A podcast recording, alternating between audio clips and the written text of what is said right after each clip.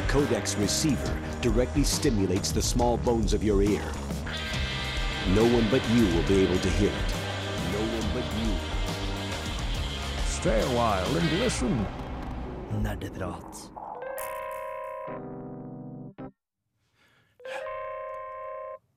Hei og velkommen til Nerdeprat. Mitt navn er Anders Vestrum Rein. Og det her er den første sendinga etter påske.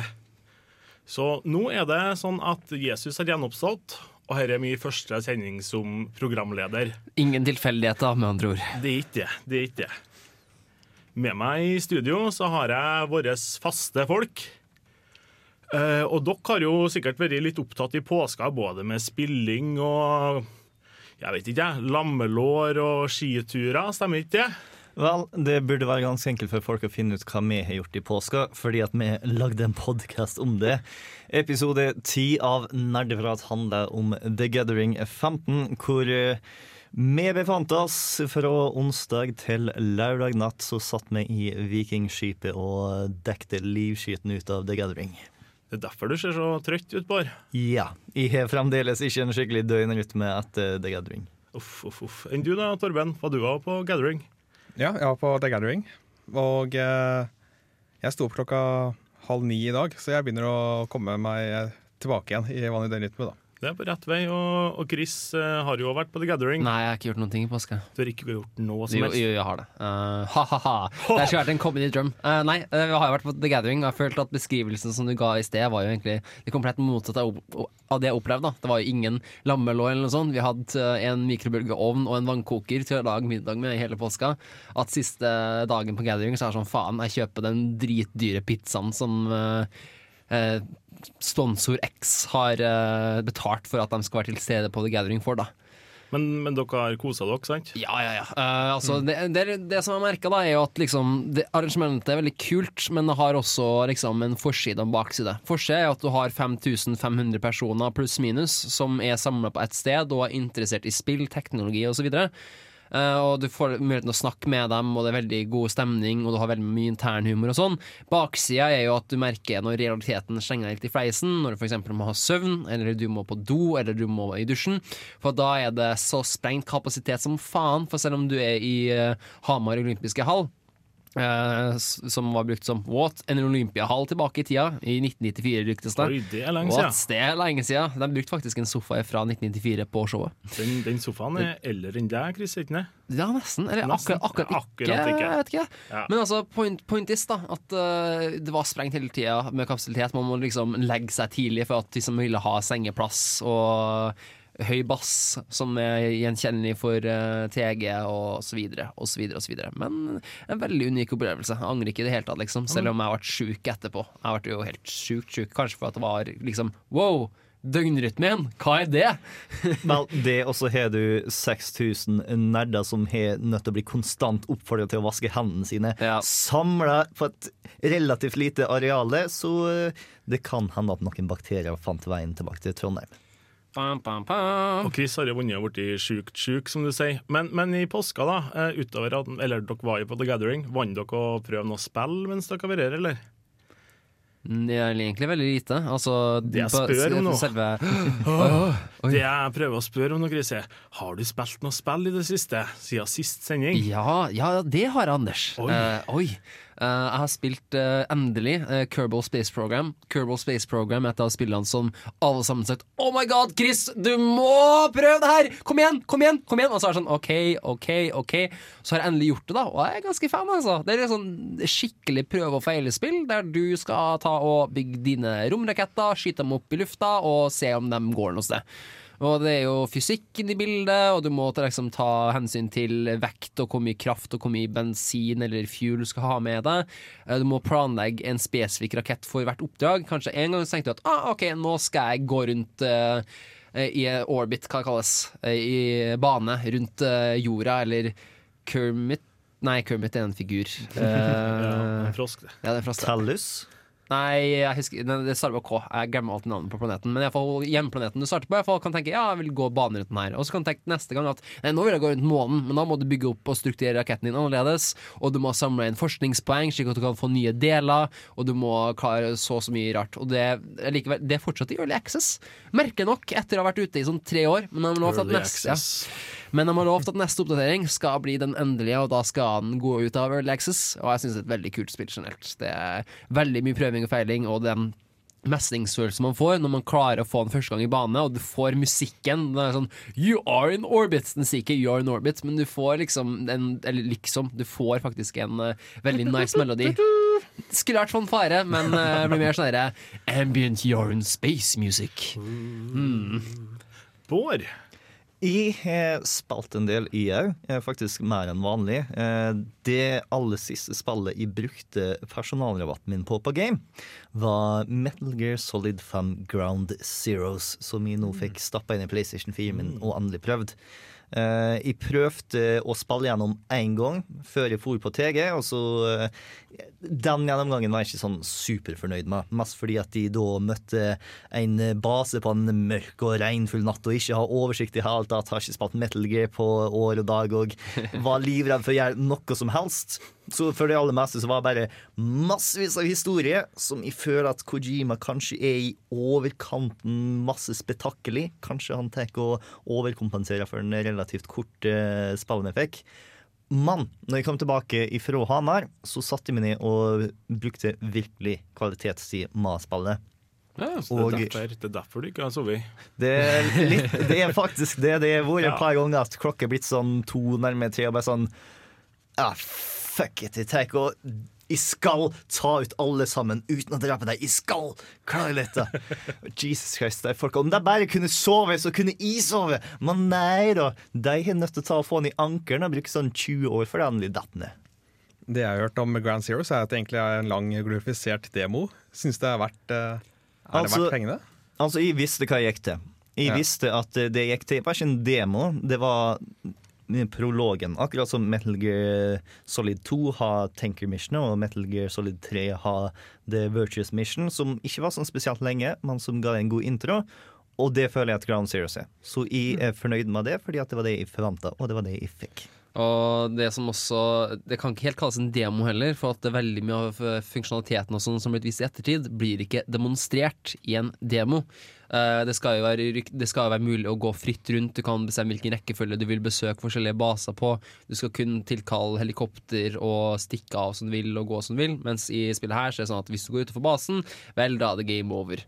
Eh, Det du merker veldig også, er at det er ganske mye padding. Eh, mindre Hvis du er en Metal Gear Solid-person som bare spiller gjennom for å få historien og sånn, så blir man nok skuffa, for da har du liksom det ene hovedoppdraget, og that's it. Eh, Du, sånne, du kan finne små kassettapes på andre missions òg, men det er veldig mye bakgrunn og for, for de forskjellige figurene som du aldri har møtt på før. da og, og så er det jo også veldig mye fanrunk. Du har liksom eh, referanser fra Du har en mission der du skal liksom gjenskape scener fra Metal Gear Solid, og du skal gjenskape scener fra Metal Gear Revengeance. Eller du skal leke Metal Gear Solid Revengeance av en eller annen grunn. Uh, men ja, det er vel egentlig det.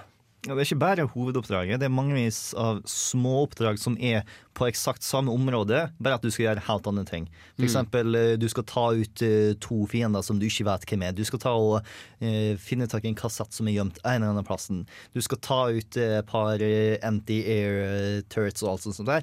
Og de er gode utfordringer som jo, etter hvert som vi ble kjent med basen, virkelig likte, og som ga det de forskjellige delene av eh, Metal Gear-serien. For eksempel, eh, ein- oppdrag, så er det full alarm. Uansett hva du gjør. Så da er det det eh, å snike rundt mens alle sammen er ekstremt på vakt.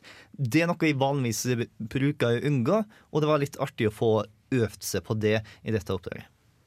Mm, mm. Enn du, Torben, my man, hva har du spilt i påska? Tja, jeg eh, fikk ikke tid til så mye på The Gathering, men etter at vi kom hjem fra The Gathering, så tok jeg opp et spill som så fant jeg spill i Steam Library igjen. Nei da, denne gangen så huska jeg at jeg kjøpte et spill for noen uker siden, fordi det fikk veldig god kritikk, nemlig Ori and the Blind Forest. Ja, sånn. Som er en eh, Metroidvania med usedvanlig lekker grafikk.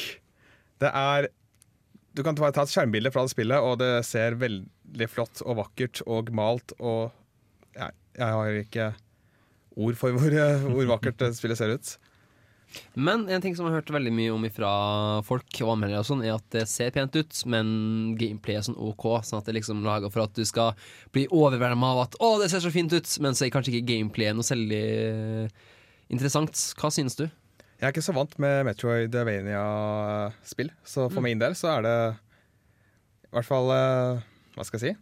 Jeg syns det fungerer bra så langt. Jeg vil anta litt sånn halvveis. Men samtidig så vi- Det kan godt hende at de ikke har innovert så mye på gameplay-fronten. Eller jeg, jeg tviler på at de innoverte særlig på gameplay-fronten. Mm. Men det er gameplay som funker, og jeg syns det er greit. Det viktigste spørsmålet er har du kosa deg med spillet så langt. Ja, det har jeg. Åh, det var det vi trengte å høre. Jeg derimot um, jeg Du har, hatt hele påskeferien på det, så hva, nå, nå, nå gleder vi oss.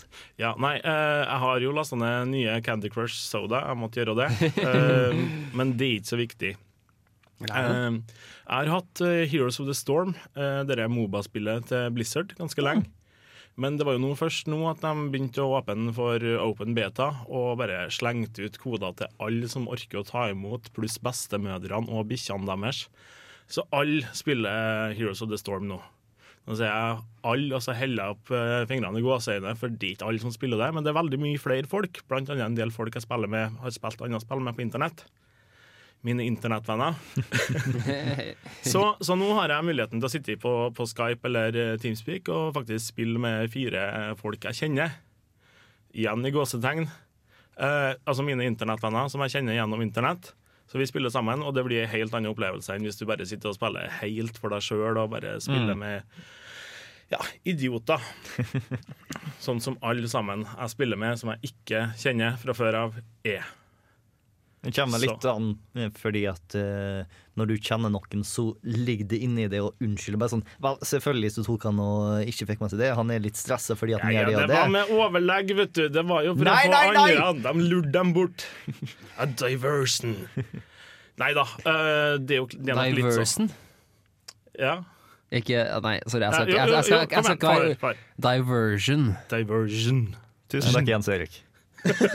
Wow. Thanks for Au. Ja, men, men uansett, da. Det, det, um, det jeg liker veldig godt nå, er at det faktisk er mulighet til å få til litt eh, teamplay i en Moba igjen. Det har jeg lengta lenge etter. Men vi skal jo snakke mer om, eh, om eh, lagspill senere utover i sendinga. Først nå så får vi nyhetene med Torben, men før det så hører vi No Control med Bokassa.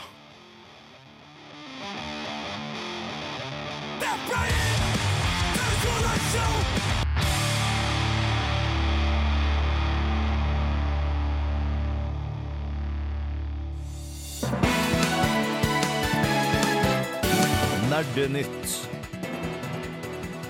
Ja, da fikk vi 99 sekunder med No Control av Bokassa, men det er en her som har full kontroll på nyhetene, og det er en Torben. Det stemmer det. I dag så skal Der fikk jeg lyd, ja. I dag så skal vi eh, snakke litt om eh, 3D-spill, eller spillserier, som vanligvis har vært hos Nintendo, som ikke er hos Nintendo lenger. Altså tredjepart, da. Og eh, spill strømmetjenester som kaster inn håndkleet. Og eh, PR-stunt og litt av hvert sånt. Men aller først I påsken så var det en eh, Nintendo Direct. Vent litt, dette har vi snakket om.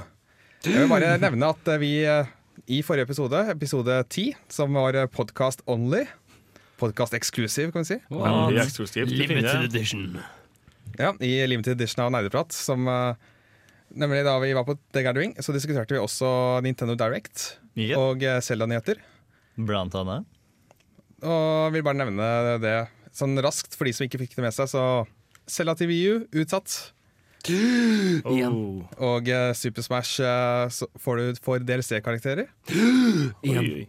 Og uh, folk kan sende inn forslag til hva slags Folk kommer til å trolle igjen.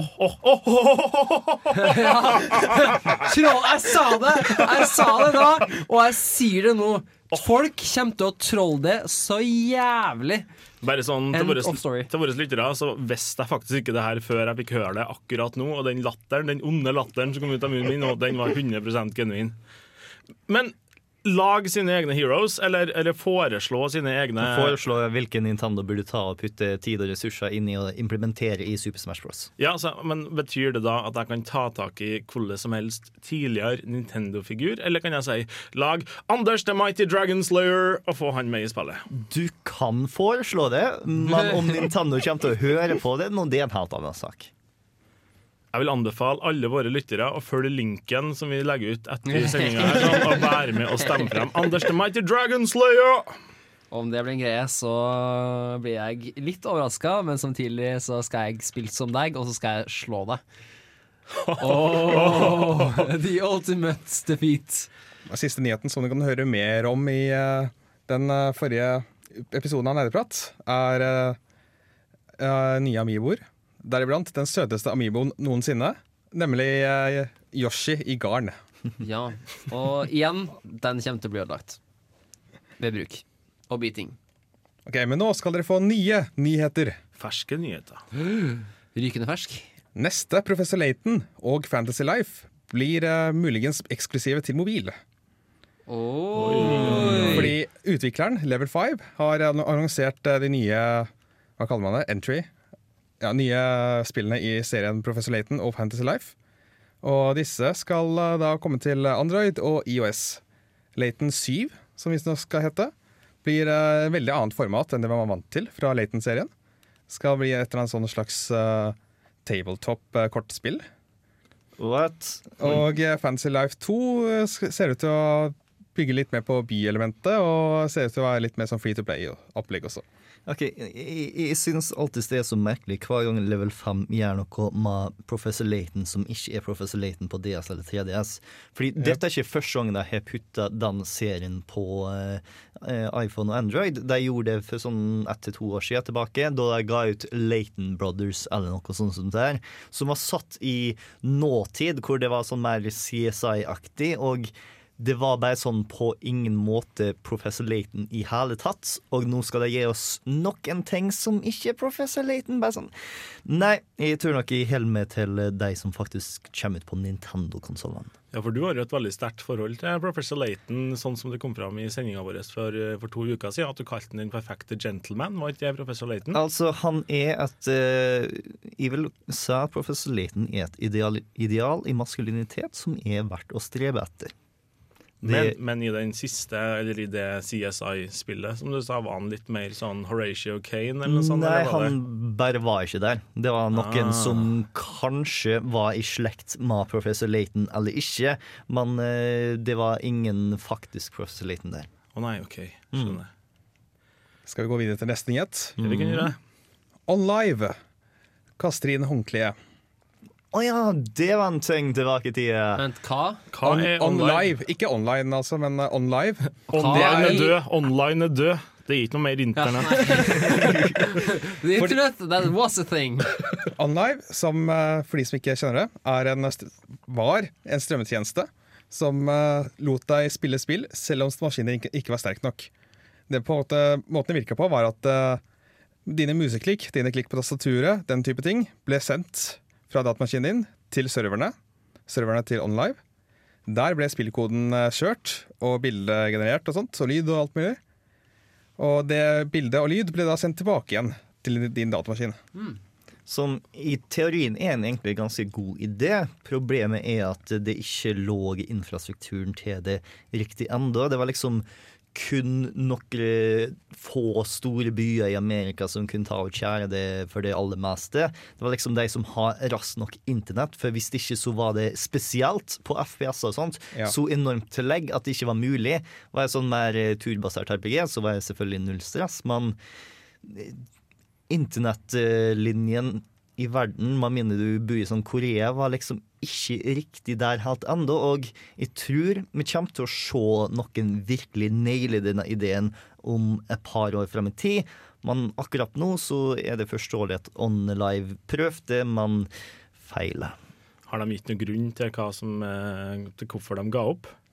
Eller la ned, eller gikk konkurs? Eller Ja, altså Det de skriver på nettsidene deres, er at eh, Sony har kjøpt opp eh, viktige deler av online, OnLive, og Sony sine planer inkluderer ikke en fortsettelse av denne tjenesten. Mm. Nei, for Det er faktisk veldig interessant. Sony er de som har tatt og prøvd seg mest på den ideen uten å lansere noe skikkelig ennå. Fordi at det de har i røret, er PlayStation Now. Ja. Som er den tjenesten hvor du kan ta og spille PlayStation 3 og PlayStation 2 og kanskje til og med PlayStation 4-spill på PlayStation 4-maskina di uten at du fysisk har dem. Og de har allerede tatt og kjøpt opp en annen streamertjeneste. Var det Geico, eller? Ja, Ga Gaikai i Gaikai? 2012 ble kjøpt opp. Og eh, Så jeg tror de bare finner tak i all den teknologien for å lage sin lille Frankenstein-monster, som kanskje blir den som faktisk klarer å løse denne nettet. Vi har allerede litt sånn streaming på li, li, li, lite nivå, da. Sånn remote play. Mm. Hvis du har PS4 stående et sted i huset, så kan du ha en, for eksempel en PlayStation TV en etasje opp, som eh, kan eh, strømme innholdet fra PS4-konsollen. Mm. Eller du kan eh, streame fra PS Vita, eller, eller streame til PS Vita. Så da du Hvis du er sugen på den type teknologi, så kan du allerede prøve det ut med PlayStation 4 og den familien. Mm. Men uh, det tar meg litt tilbake til dere Professor Layton og det du snakka om der, at det kommer til Android og IOS. Uh, jeg bare kom på det akkurat nå. Okay. Hvorfor kommer ikke det til Windows Phone? Eh, Fordi at de får dit markedet er, og spesielt Level 5, som er et japansk selskap, og der man tar og går etter det som er stort i Japan. Og Microsoft har vel egentlig aldri gjort det noe særlig stort i Japan. Burde kanskje nevne at disse, disse annonseringene har kun, eh, gjelder kun i Japan. da. Så langt. Så det er ingen, ingen annonsering for internasjonalisering. Men, men det er en annen ting som visstnok skal komme til Windows Phone nå. Og det er DOS. DOS skal kun kjøres på, eh, kun kjøres på Windows Phones nå. Ha. Jeg bare lurte dere, det var en aprilspøk. Og vi kommer til å få flere. Eh, Det har jo vært mye rart som har skjedd nå de siste, siste, siste uka. Eh, Det er sikkert noen flere eh, aprilspøker dere har fått med dere òg. Men Skal... skal jeg få ta den siste Har du en nyhet til? Ja, har vi, Eller, har vi, har vi eller driver du og lurer meg nå? Nei, vi har tida til en nyhet til. For det, det er litt sånn rart PR-stunt som har skjedd i det siste. For slik jeg tenker det, så har Square Enix har sett til Norge og latt seg inspirere av NRK sin sakte-TV. I hvert fall det jeg liker å tro. De har nemlig eh, kjørt en annonsering helt siden mandag. Denne annonseringen er enda ikke ferdig, tror jeg. Den, de har rett og slett kjørt en eh, Twitch-stream hvor eh, de har kommet med noen sånne små smakebiter og litt sånn uh, greier. Det er litt sånn sært uh, PR-eksperiment hvor de bare har eh, ja, Hvis du Altså- skriver 'switch cam' i chatten, så bytter det liksom kamera eller noe sånt. Men ja. Altså verdens tregeste og minst sexy striptease. ja. Men Det var en metafor, sant? Det var en metafor. Ja, for Twitch har jo vært ja. Det, det har vært litt utafor deres eh, end user agreement. Ja. Yep. det ble lenge spekulert i, ut fra disse tipsene og sånt, av at dette kanskje kunne være noe Deus X. Mm. Men eh, selv om denne annonseringen egentlig har tenkt å bli ferdig i dag, i kveld, så ble det allerede i går eh, avslørt av Game Informer. Avslørte forsiden på deres magasin. Og der var Deus X, Mankind Divided. Hmm. Som jeg regner med blir en oppfølger til Deus Ex Human Revolution, som kom ut tilbake i 2011. Som eh, jeg absolutt sjøl kan varmt anbefale, fordi at det er et veldig kult cyberpunk eh, action-RPG. Eh, Hva med du, Chris? Har du spilt det? Nei, jeg har begynt på det. Jeg har jakka ifra det. Ja, du Eh, har den- investert ja. veldig masse penger i den frakken som Ja, du har på hele ja, det det har jeg, eh, men jeg har ikke spilt gjennom serien. Men jeg kan si det er veldig kult. Altså Spesielt for meg som er Metal Gear Solid-fan og liker å snike meg rundt og ta og stikke folk bakfra. det kom, litt, kom litt, litt feil. Men eh, jo, det er basically sånn spillerstilen min er. Ja, og mm, det er og det som også er kult, at du har litt diplomati i DO6. Du kan løse veldig mange forskjellige situasjoner på en fredfull måte, hvis du bare sier den rette tingen. Og i tillegg så er det en hel haug med eh, samtaler som mer eller mindre blir bosskamper. Fordi at Ja, ja. eh, du tar og måler stressnivået der og prøver å finne ut om de ljuger eller ikke, og velger hvilken eh, replikk du skal ta og slenge i deres retning. Og det var en mekanikk som jeg var veldig fornøyd med. Mm, ja, for du kan liksom hoppe over en hel bosskamp ved bare å snakke dem ut av det. Mm. Eh, For øvrig, dersom dere skal spille, så vil jeg anbefale å spille på PC. I hvert fall hvis dere skal snike, fordi at der har dere quicksave, og fordi at det Ja. er sånn pissbillig på PC uansett. Det er juks og quicksave på sånne, sånne plasser, syns jeg. Nei.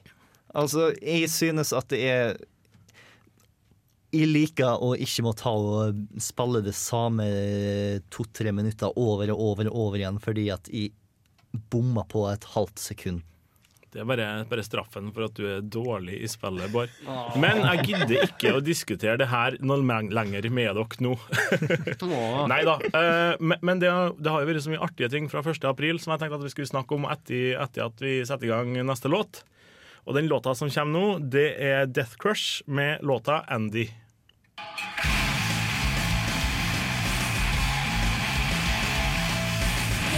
Mitt navn er Bare Egil. Du hører på radio Revolt på internettmaskinen din. Tusen takk til Marie Egil, og tusen takk til Death Crush. Folkens, det har jo vært 1. april nå nylig, og da dukker det jo hvert jævla år så blir jeg lurt. Du, Anders. Ja, Du, jeg synes du ser veldig bra ut i dag. takk, takk. Merk at det ikke er 1. april. Åh, yes! Det her er det fineste noen har sagt til meg i hele mitt liv. Men det Sånn er fint. Ja, men, men i hvert fall, det har jo eh, i år som i fjor, og året før der og året før der og året før der, så har det jo dukka opp en del merkelige rykter og vitser og forskjellig på internett. Eh, er det noen spesielle dere har lagt merke til som dere syns er, syns er morsom? Eh, vel, jeg har nok Kotaku-artikkelen på det beste og verste herfra framfor meg, så det er et par som jeg eh, likte ganske godt. For eksempel eh, Dance Central spin-offen Romance Central, eh, som det ikke blir noe av.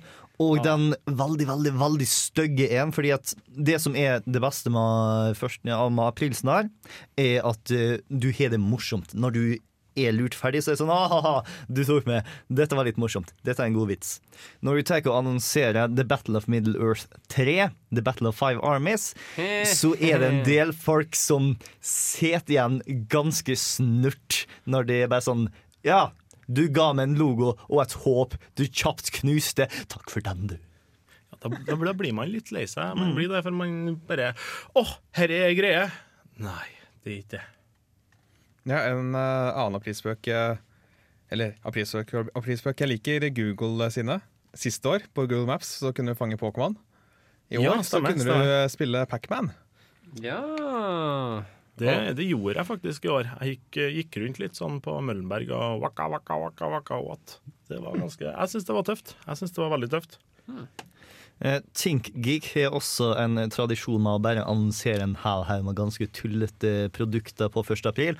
Og så gjerne også senere faktisk lager disse produktene. Og et av de produktene som de annonserte som jeg har veldig lyst at de skal ta og produsere på ordentlig senere, er Clue Game of Thrones-versjon. Bam, bam, bam, bam, bam. ah, Men det var, det var en aprilspøk. Det var en aprilspøk. Men som sagt, aprilspøkene til Tinkik har en tendens til å bli realitet. Men er det da en aprilspøk? det er Jeg føler at de aprilspøkene er for Thinkik bare en mulighet for å ta og pitche de mest crazy, tullete ideene deres, Ja. uten å måtte ta faren fare gjennom å lisensiere en hel med ting. Og hvis folk er sånn Ja, oh, wow, dette var jo så kult! Så er det så lett for deg bare å si Hei, HBO! Sjekk alle disse folkene som har lyst til å gi oss penger. Skal vi ikke ta timen time litt opp? Ja, det blir jo en sånn kickstarter, nesten, bare at det kun er 1. april, og man slipper hele det early access-tullet. Og for øvrig en, eh, et produkt som de tok og kasta ut, som jeg svært tviler på kommer til å bli en realitet uansett hva resepsjonen er, er en Steam-maskin som faktisk går på Steam. Men det har vært tøft. Det har vært veldig tøft, og den er sånn ordentlig kul eh, steampunk eh, eh, ut. Men eh, den blir nok ikke en faktisk realitet, er jeg redd. Jeg har den stående framme meg nå, og den ser jo altså I tillegg til at den går på damp og heter Steam, så er det jo hele den steampunk-estetikken over den. Mm. Bare forventer at den har sånne steampunk-briller. Jeg fant ikke på noe annet navn på det, men altså jeg bare forventer at den kjører et tog mot meg samtidig som den skjøt meg med en laserpistol. sant? Og eh, Sega kom for øvrig ut med en tweet hvor de sa vi kommer ikke til å gjøre noe på 1. april. Og så gjorde de ikke noe på 1. april. Touché. Eh, resten av eh, Kotaku-artikkelen skal vi for øvrig ta og slenge inn på artikkelen vår på dusken.no. Norsk radio. Men var dere på YouTube på 1. Å april? gud, nei, vi kjørte jo bil nedover til TG 1. april, så vi fikk med oss generelt veldig få aprilspøkene. Ja. Men en ting vi hørte veldig ofte på TG, var The Rude Sandstorm. som tilfeldigvis også jeg tror det du skal nevne. Hvordan går den? Nei ah, OK. Du kan, du kan ta dempe meg litt, Bård, så kan du fortelle om det imens, uh, eh, Anders. Ja, det. Greia er at hvis du søkte eh, søkt på hva som helst på YouTube eh, uh, 1.4, så fikk du spørsmål Vent litt, mente du ikke Rude Sandstorm i stan? Og, og, og det, det, er jo veldig artig, for at det her har jo klart å blitt en, blitt en meme etter at det var noen som sa hva heter den sangen som går sånn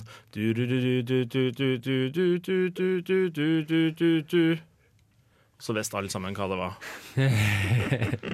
Og 2. april var det vel at Darude sjøl satte opp en, stream på Twitch. Og spilt Darude Sandstorm lang altså, hvis, du kan faktisk søke opp lyricsen på Darude Sandstorm. Og da får du liksom sånn helt seriøst, første treffet du får, er derre Boom!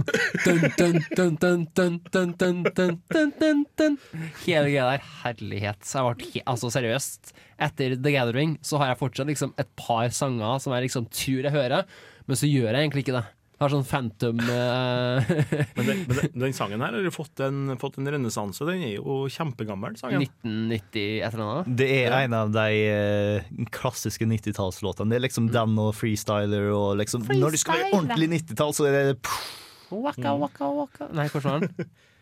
Rocka Macaphone. Ja, det var den. Her jeg, er vi jeg hørte alltid Waka Maka da Da jeg var liten. Det, det, det er ikke de mest uh, veluttalte folka som synger den låta. Maisa. Fun fact, den låta, den der eh, Waka Waka ja. Den, eh! Rocka det- ja, den var utrolig gøy, for den ble spilt på immatrikuleringa i uh, fjor uh, i forrige semester. Hmm.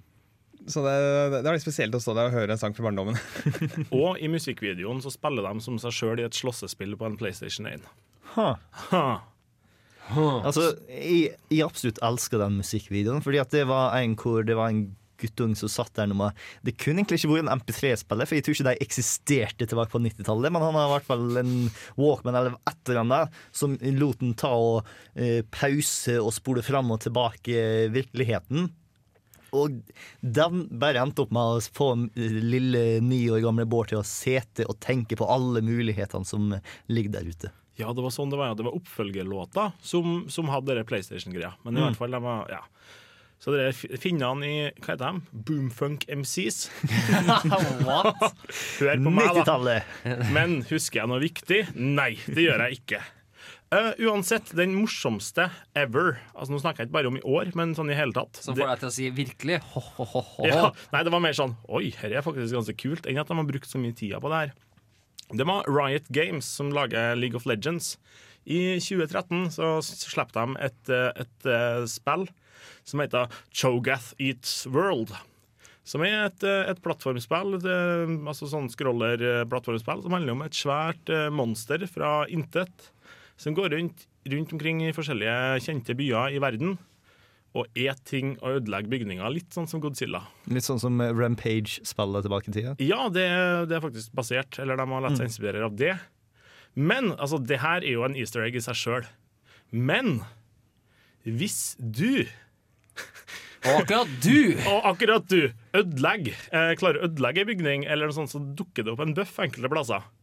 Og, og den, den buffen her sånn, den sender deg til et easter egg inni easter egg-spillet. Ja, det var her, ja.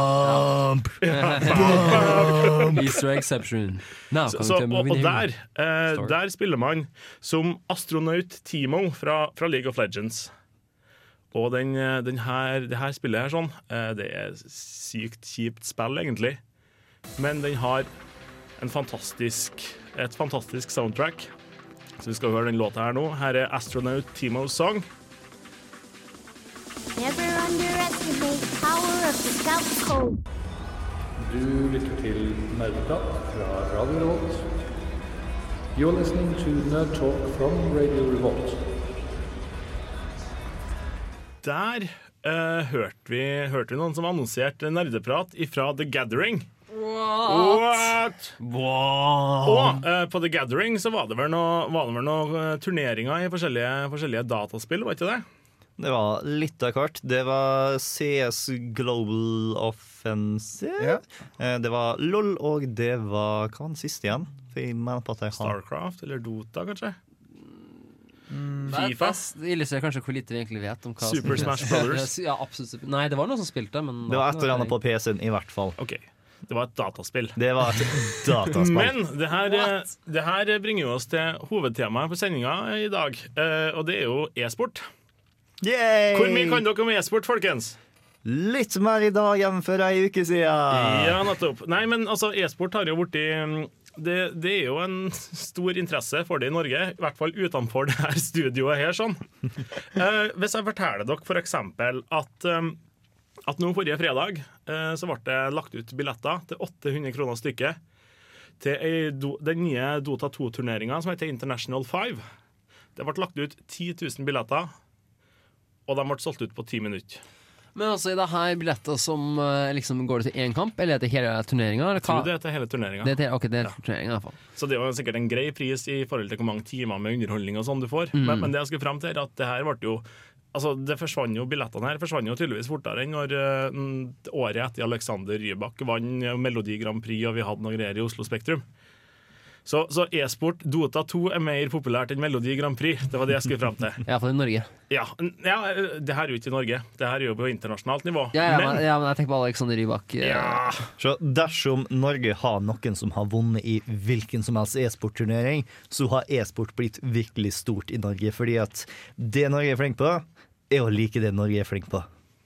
Men det vi har da, eh, nå, bare den siste vekka så har vi hatt eh, flere nordmenn som har deltatt i e-sport på internasjonalt nivå. Eh, vi har f.eks. LGB Esports, som er et Counter-Strike Global Offensive-lag. Som har vært i København nå og deltatt i en turnering. De ble vel, det var fire nordmenn og én svenske på det laget. så vidt jeg vet. To er vel fra Trondheim òg, tror jeg. Mm. de ble vel slått ut relativt tidlig i, i sluttspillet. Men de var i hvert fall med eh, og satte Norge på kartet. Det hørtes egentlig ut som du la opp veldig til en svenskevits her nå. Vel, det var en e-sportturnering, og det var fire nordmenn og én svenske på laget. Og så feis svensken, og så sprang norskene ut av e-sportturneringa. Bare om. Eh, og eh, vi, dere, dere kan jo ingenting, folkens. Men hvis jeg sier snute Ja. Snute er jeg kjent med. Snute er dere kjent med. Jeg skal ikke ta oss Det er LOL han spiller, ja? Er det ikke Starcraft?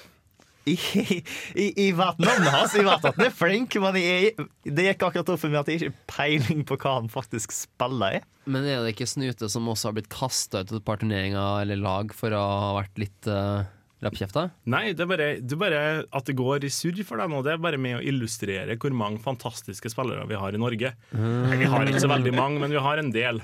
Eh, det, det eh, Snute nå uh, spilte nå i eh, Det var på søndagen at han var i og, eh, hvis du kan fransk, kjære lytter, så må du gjerne arrestere meg nå, for det nå skal jeg prøve. Men det er byen Poltier. Poltier. Poltier. Poltier. Oblenoma baguette. I Frankrike.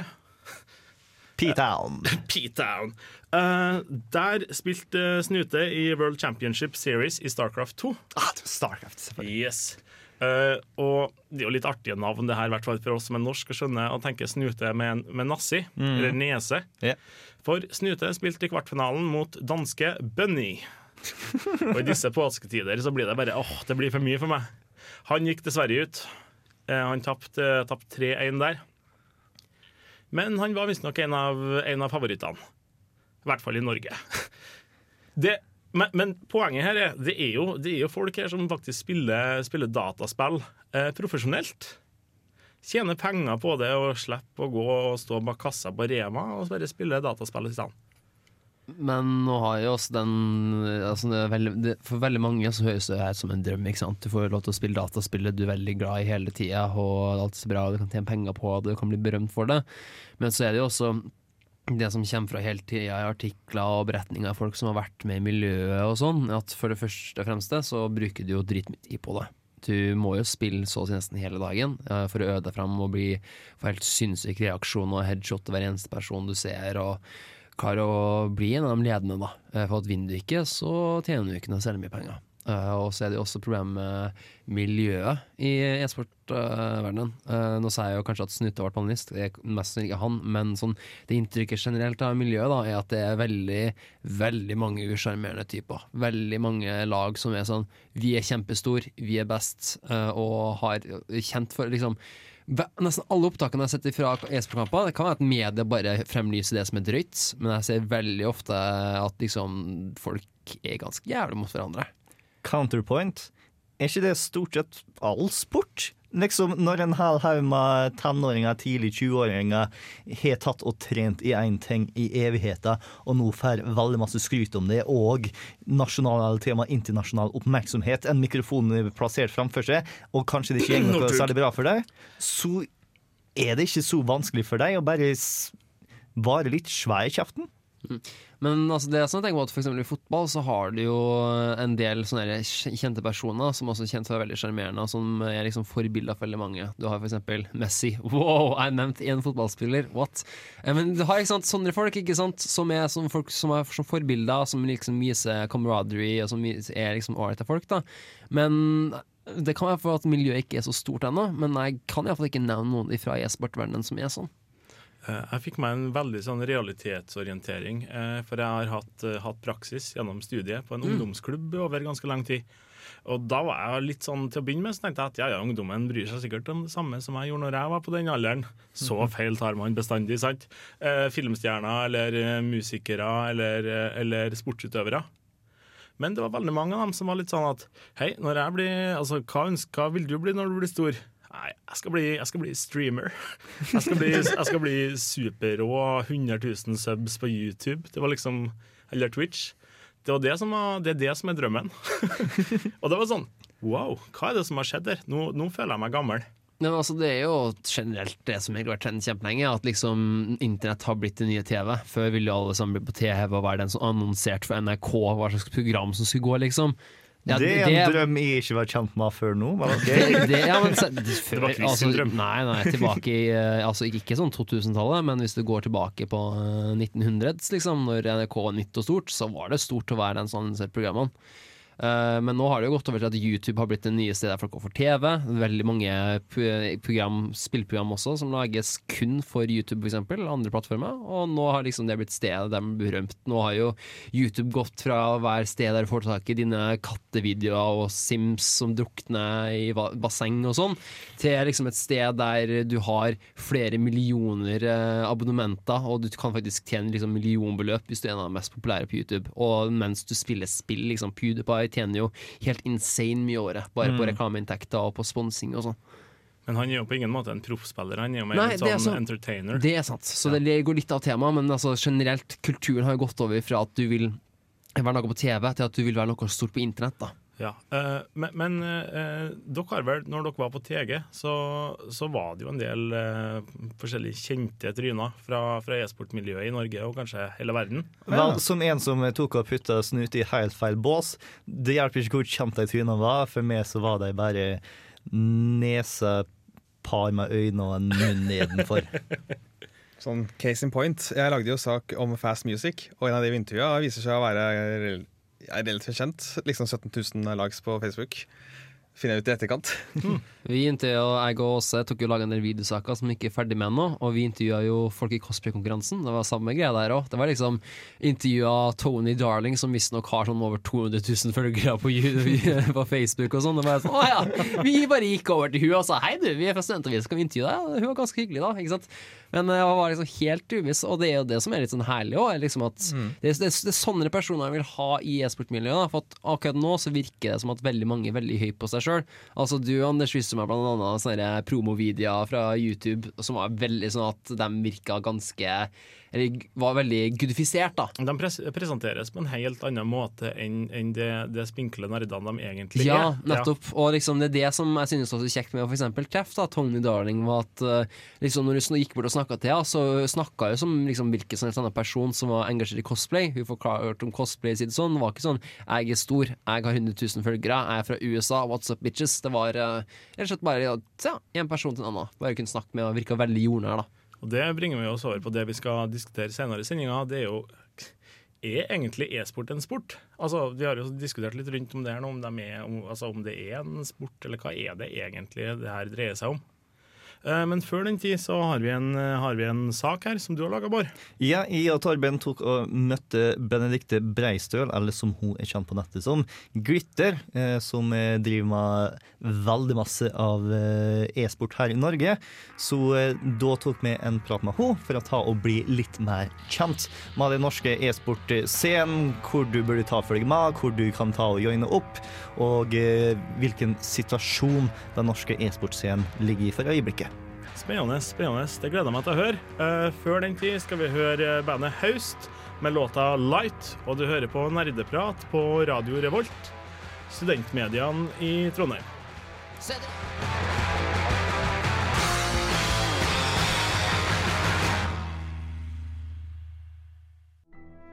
Så hvem er det jeg står med her? Jeg heter Benedicte Breistøl. På internett så er jeg kjent som Glitter. Eh, Og jeg driver med veldig mye forskjellig innenfor norsk e-sport, egentlig. Samme da? I norsk e-sport så fungerer jeg bl.a. som e-sportjournalist. Så jeg skriver en god del artikler om mest League of Legends-scenen i Norge, men også litt sånn generelt eh, e-sportnyheter. Eh, Jeg har også et månedlig talkshow hvor vi diskuterer litt i dybden rundt League of Legends-scenen i Norge. Ja, og utover det så er jeg manager og eier for Celestial Gaming, som da er det beste norske League of Legends-laget. Ja. Kan du fortelle litt om den norske e-sportscenen?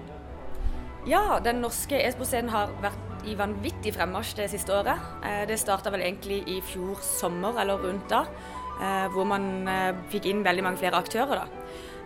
Gamerligaen starta, det som nå heter Telenor-ligaen. Og det er jo stort nok i seg selv at man har fått inn en sponsor som Telenor, som har lyst til å støtte opp e-sport. Den ligaen er en breddesatsing som eh, Gamer står bak, hvor man da har helt ned til fjerdedivisjon i alle spill. Første divisjon er jo selvfølgelig den som har mest betydning for min del.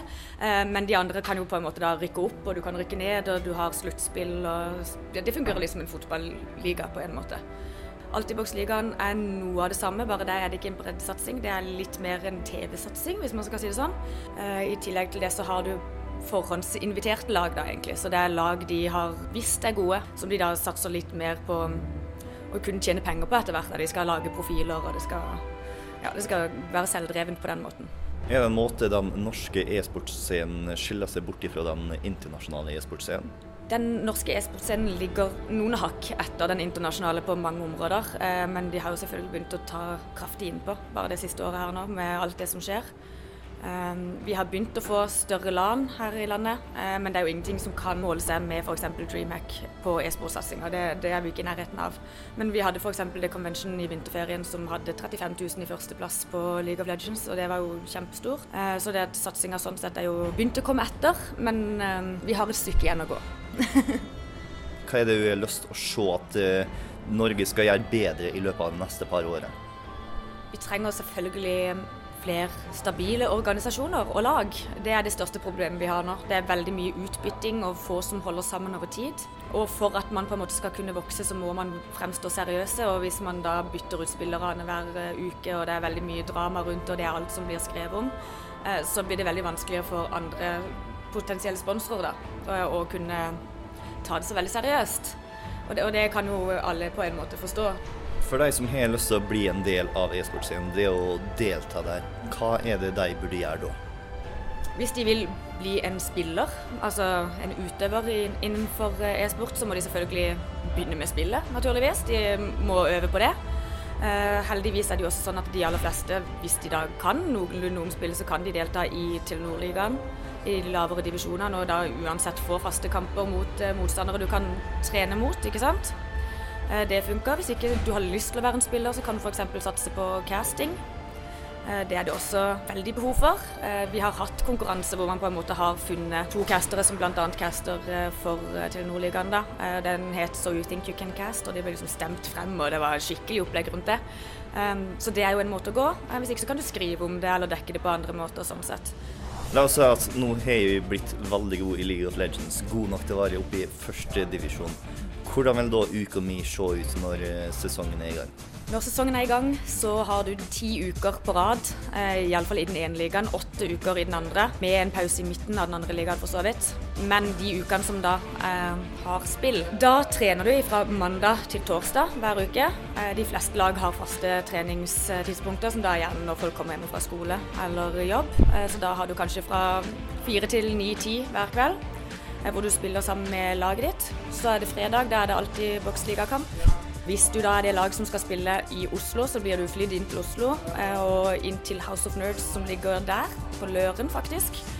Eh, Og så spiller du ifra studio der med full produksjon rundt, med litt intervjuer i forkant og i etterkant, og du blir filma mens du spiller, og ja, det er litt, litt sånn. I Telenor-ligaen er det også da kamper etterpå det igjen, så lørdag og søndag er det kamper i den ligaen. Og det vil egentlig si at hele uka er fullpakka, da. Du møter to forskjellige lag hver uke i de to forskjellige ligaene. Du trener hele begynnelsen og spiller avgjørende kamper etterpå. Og så begynner du på nytt igjen. Og så holder det på sånn helt til du kommer til et sluttspill. Det hørtes egentlig litt for masse ut for meg, så jeg tror jeg heller har lyst til å se på.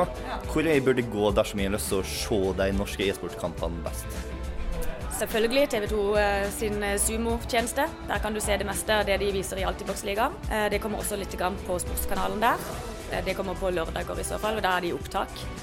Hvis du vil se på Telenor-ligaen sine kamper, så ser du de gjennom Gamer-TV. Da kan du egentlig bare gå inn på gamer.no TV. Og det gjelder jo alle spillene, ikke bare League of Legends. Dersom jeg nå har lyst til å ta og sette meg ned og se på norsk e-sport, hvilke lag jeg burde ta og heie på? Hvem er det som er Rosenborg og Molde i den norske e-sportligaen? I den norske e-sportligaen, iallfall på League of Legends-sida, det er der jeg kan si mest, så heier jo selvfølgelig på mitt eget lag. Det ville jo vært veldig rart hvis ikke jeg gjorde. Eh, Da har du jo de som heter Celestial Gaming. Eh, De er jo veldig kjente, og det finnes en dokumentar om dem man kan se på TV 2. Ingen problem, heter Game On, bare gå inn og se. Eh, Så har du Atraxi, som er en av de andre topplagene. De spiller i finalen her nå på The Gathering mot Celestial Gaming. Utover det så har du Lions elektroniske sportsklubb, eller Oslo Lions elektroniske sportsklubb, tror jeg faktisk det heter, men det er en munnfull, så det blir liksom stress. Eh, De er også veldig gode. De vant eh, nettopp nå Rogahack i Stavanger før eh, de kom hit til TG. Og så har du BX3 elektroniske sportsklubb, som for så vidt ikke har vunnet noe i år, men de, kommet på, de kom på andreplass på The Convention. Og de leder til Telenor-ligaen for øyeblikket, så de ligger jo også veldig godt an. Hva har du eh, lyst til å si til de folka som eh, ikke egentlig har satt på e-sport som noe særlig? Hva slags grunn har du lyst til å gi dem for å ta og se på e-sport? Du slipper å spille sjøl, så det er jo veldig greit det. Du kan bare egentlig se på noen som er flinke og leve gjennom de. Det blir som å følge med på en hvilken som helst annen sport. Og hvis noen kan synes det er gøy å se noen løpe etter en ball i 90 minutter, så kan du på en måte forvente mer action i et e-sportspill. Der skjer det jo noe hele tida. Eh, tusen takk for at du tok deg tida. Og eh, ikke minst lykke til med finalen i, i kveld. Ja, tusen takk. Det er 16.30 i dag, det er det. Kommer nok opptak på YouTube òg. Bare se på.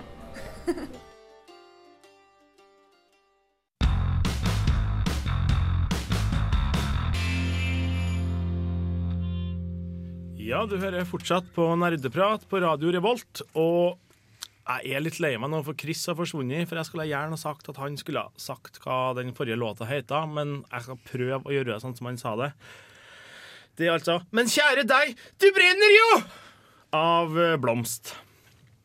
Og før det så, så hørte vi jo at, eh, at Bård og Torben snakka med uh, Benedicte, som, eh, som er manager for Celestial Gaming, og de spilte jo i finalen på TG. Hvordan gikk det egentlig med dem? Det er jeg faktisk ikke sikker på. Jeg prøvde å finne tak i, men de har ikke lyst til å spoile hva det endelige resultatet var på alle de forskjellige plassene jeg fant tak i. Så du kan fremdeles finne det på YouTube og bare heie på enten Celestial eller uh, Atrax i Nike. Ja. Uh, Jeg vet ikke hvem av dem jeg heier på, jeg. men liker han jo noen ifra eh, Celestial, så da blir det automatisk at de heier på deg. Ikke Ja, greit. sånn alle sportslag fungerer, egentlig? alle nerdeprat heier på, heier på Celestial Gaming nå. Men har de ikke Yes. så, kan, ikke, man- kan man ikke bare bruke random.org? Sånn, sånn random uh, number generator, så bare OK, jeg heier på dem. Det er sånn jeg vedder på hester. Nei, jeg vedder ikke på hester. Men med oss i studio nå så har vi fått tak i Andreas Dørum. Ja, hei. Jeg håper det er eh, en grei utbytning for Chris. Eller en, en Chris-substitutt. Ja Jo, jo, jo. Jeg er så fornøyd å ha deg her. Ja, ja, ja. Godt, nok, godt, nok, godt nok i kris, krisetider. Altså, mens det var et veldig fint ordspill, så synes jeg det var synd at du ikke kunne ta en liten sånn sportsmetafor hvor du tok og bytta ut eh, Chris med Dørum, som fram til nå har sittet på benken. Kom an. Ja. Yes. Fresh blood coming in. Yeah. Men, men eh, ja, eh, Andreas og resten òg. rett før vi fikk en fantastisk sak og to fantastiske låter, så skulle vi akkurat begynne å krangle om er egentlig e-sport en sport. For jeg har, eh, jeg har konsultert eh, sannheten over alle sannheter, som er wikipedia.org, den norske Ja. sidene. Og Der står det at sport og idrett er, ja, det er synonyme begrep. Og Det tar for seg alle former for fysisk aktivitet som gjennom uformell eller organisert deltakelse tar sikte på uttrykk eller bedre fysisk kondisjon og mental velvære, danne sosiale relasjoner og oppnår resultater i konkurranse på alle nivåer. Uh, ja, Men- uh, ja. Men altså, at det er sunt og sånn, det er liksom en del av definisjonen. Eller at, at man, man bruker kroppen, tror jeg. Man, Ja. Altså Hvis man ikke blir svett, så er det ikke en ordentlig sport. Men det, altså, jeg følte det var liksom litt sånn sunnhet og sånn inni der. Ja, Ja, og det er Eh, en god del. Så er, er da Tour de France ikke en sport? Fordi de tar så mye dop og sånn? Ja. Er boksing ikke en sport? Sier du de- ender opp med å eh, komme ut med en dårlig hals enn du går inn med. Den tar sikte på å uttrykke eller bedre fysisk kondisjon. okay, yeah, okay. Ja, vel, du uttrykker virkelig fysisk kondisjon når du bokser, du bare forbedrer det ikke. Men eh, for alt vi vet, så kan det jo være noen eh, anti-e-sport-sportfolk. noen folk som er mot det, som uh, har redigert Wikipedia-artikkelen. da Det, det propaganda, Nei, nei. alt sammen. Nei, nei, nei. nei. Eh, Wikipedia er sannheten. Jeg vil ikke høre noe annet. Ja, fordi det står på Wikipedia-artikkelen om Wikipedia, så Ja. står det at Wikipedia er sannheten. Yes. Men eh, sånn- det, det første som slo meg da når jeg skulle begynne å tenke på er er e-sport egentlig en sport, og det er jo at hva heter en av de mest kjente internasjonale sportsutøverne i Norge i dag? Mathias Carlsen. Ja, Magnus. Magnus Carlsen. Magnus, Magnus okay, Carlsen. Sorry, et eller annet på MA. Sa, samme det. Eh, han heter Magnus Carlsen, og han Ja, vanlig, vanlig fyr. eh, bortsett fra at han er supergod i sjakk og veldig smart. Men han er han er ikke, han er ikke det jeg forbinder med et atlet. Vel, han er noe undertøysmodell og har modellert sammen med Mila Kunis, så han har deg arm for seg. Ja, sant. Men Her her er nok ikke bedre i form enn mange e-sportatleter. Jeg vil, jeg vil anta at han kan springe lenger enn oss fire til sammen. Ja, det vil jeg det gjøre. tror jeg. Men, uh, men altså, samtidig så, jeg, ikke- så forbinder ikke jeg han som er med et atlet, av at han spiller sjakk. Og sjakk er ikke en veldig fysisk utfordrende sport. Altså, jeg fikk et ganske annerledes eh, inntrykk av ordet atlet etter at det var noen som tok eh, og fortalte med en liten metafor med pornostjerne. Ja, satte det godt til rette, finn fram popkornet, fordi nå skal vi prate litt igjen. Greia er at eh, folk sa at du må ikke ta og sammenligne sjøl med sexen din med den sexen du sier porno, fordi at pornostjerner er seksuelle atleter.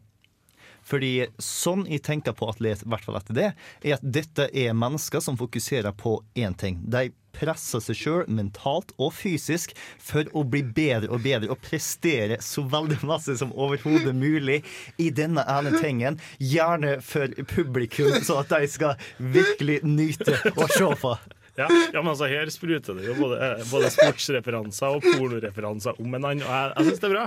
Ja, men bare tenk på, Du har pornostjerner, du har fotballstjerner. De trener livskiten ut av seg, sånn at det skal være så underholdende som overhodet mulig for å se på en fotballkamp, og eh, de gjør sitt beste. Det samme som de som tar og spiller LOL eh, fem dager i uka, så stikker de til Oslo og tar og spiller framfor flere tusen mennesker som holder på å se på. De trener hardt. Det er det, liksom, det handler ikke om at du skal ta og trene muskelgrupper sånn at du har enorm kondisjon. Det er at du tar og bruker kroppen din og hjernen din som et verktøy til å mestre denne sporten og være underholdende framfor andre mennesker. Men altså på denne Wikipedia-definisjonen så vil jo ikke sport, nei, eh, sjakk heller gjerne innfalle i en tradisjonell tolkning. Jo, fordi den olympiske, internasjonale olympiske komiteen anerkjenner f.eks. bridge og sjakk. Som Ja, men da er spill sport. Altså, det er akkurat like mye Jeg ser ikke noen nevneverdig forskjell på eh, sjakk og eh, Starcraft, som på en måte Jeg ser faktisk nevneverdig forskjell, fordi at Starcraft er masse mer krevende av kroppen enn det sjakk er. Det er liksom Jeg kunne aldri Aldri blitt profesjonell Starcraft-mester i den alderen jeg er nå. Jeg er 25 år gammel. Det er eldgammelt i Starcraft-arenaen. Fordi at jeg har ikke muligheten til å reagere fort nok eller trykke fort nok på musa til å være blant de aller beste. Med sjakk så kan det være 90 år, og fremdeles, hvis du er våken nok i hodet og kan ta og se til noen at du har lyst til å flytte dronninga til D5, så skjer det. Men nå syns jeg vi avskriver um, hjernen som fysisk organ. Altså Hjernen er jo en fysisk sak. Det glemmer vi av og til, men det er jo, det er jo en klump med fett og sånn som det. Og det er jo liksom Du kondisjonerer jo denne fysiske saken til å operere raskere, gå fortere, eh, lage nye baner for nye taktikker. Altså, det er jo en fysisk sport som at du bruker kroppen din, inkludert hjernen, til å utføre den. Ja, det er jeg helt enig med deg. Eh, Og samtidig så, så tenker jeg litt i forhold til at så lenge det er tilskuere som vil se på og bli underholdt av noe som er et, et spill mellom to forskjellige lag eller to forskjellige utøvere, så er jeg tilbøyelig til å kalle det en sport, jeg. Kanskje, ja, kanskje ikke en tegnekonkurranse, men det har sikkert ikke så veldig mange. Men uansett, da, sant? Eh, ta for eksempel tilbake i det gamle Rom, eh, når de drev og pælma kristne folk mot eh, løver. Det var jo veldig mange som kikka på det da. Og de syntes det var artig. De satt jo «Hei, heia løvene, eller heia, heia de kristne. Og, og ble underholdt. Og det, jeg, ville, jeg ville kalle det jo en tilskuersport. Da. Kanskje ikke så mye for de utøverne. De hadde kanskje ikke tida til å trene så mye, og sånt, men det var i hvert fall underholdende. Altså, Gladiatorkampene kan jeg gå med på at er Ja, en sport, greit, greit. men eh, det var mer underholdende Det var kanskje maskotene som springer i pausen, dere løvene og kristne folkene. Ja, det var, det var underholdende dødsstraffer Ja. mer enn en faktisk sport. Men ja, det, men ja, eh, jeg har ikke sett så veldig mye norsk e-sport sjøl. Men eh, jeg har sittet og kikka på verdensturneringene i League of Legends eh, flere år på rad. Litt sånn åh, jeg skulle ønske jeg var så flink. Det er ikke. og, og litt for at det er så utrolig artig når du ser eh, altså dem som er helt på topp, liksom dem som er anerkjent som det beste i verden i det, i det de holder på med. Og bare se hva all verden de får til med akkurat det samme utgangspunktet som jeg egentlig har. Bare at de har trena 10 000 timer mer enn meg det siste uka. da blir jeg imponert, og det syns jeg er artig. Kan jeg, eh, kan jeg få lov til å dra det tilbake til sjakk et øyeblikk? Ja, ja. For jeg syns det er en interessant sammenligning. For jeg tror sjakk også har vært lenge sånn folk har sagt sånn, Å, men da er det sport. Men jeg har aldri fått inntrykk av at sjakksporten har liksom brydd seg om det. Måtte sjakksporten har bare sånn hvis dere ikke vil kalle oss sport. Ja.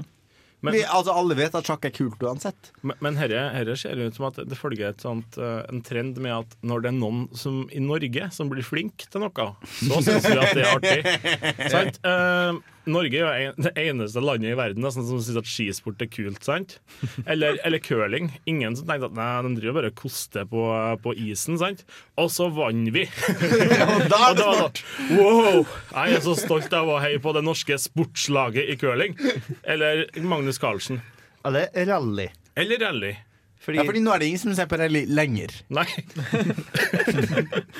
I hvert fall ikke som jeg vet. Altså Det var kult mens Peter Solberg Ja, eh, var god. Ja, altså Vi trenger et godt internasjonalt eh, norsk e-sportlag. Vi- Så er det, så er det inne i husfarmen. Ja, det, det ser jeg for meg. At Hvis vi har noen som bare pst, rett ut i verden slår alt som heter koreanere og amerikanere, bare ned i støvlene og sender dem tilbake på første fly, og så løfter pokalen i været, da er det sånn åh. De kommer nå fra Sandefjord, og det gjør jeg òg! Nei, fordi det er typisk norsk å være best, og det det er også typisk norsk å se bort når vi ikke er best. Det har du så rett i. Um, jeg har lyst til å diskutere litt hva er det egentlig hva, hva er det vi kan gjøre? Hvorfor er ikke vi profesjonelle e-sportspillere? eller cyberathletes? Kyberatleter? Kyber, ja, det kan du godt kalle det.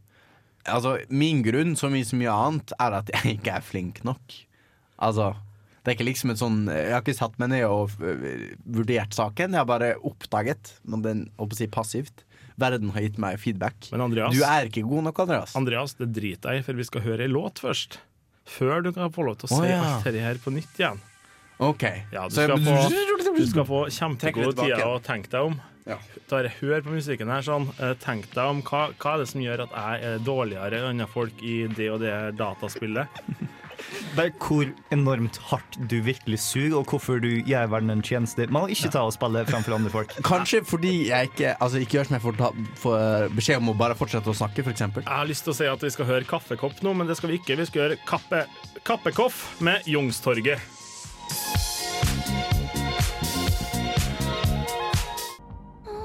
Du hører på Nerdeprat på Radio Revolt.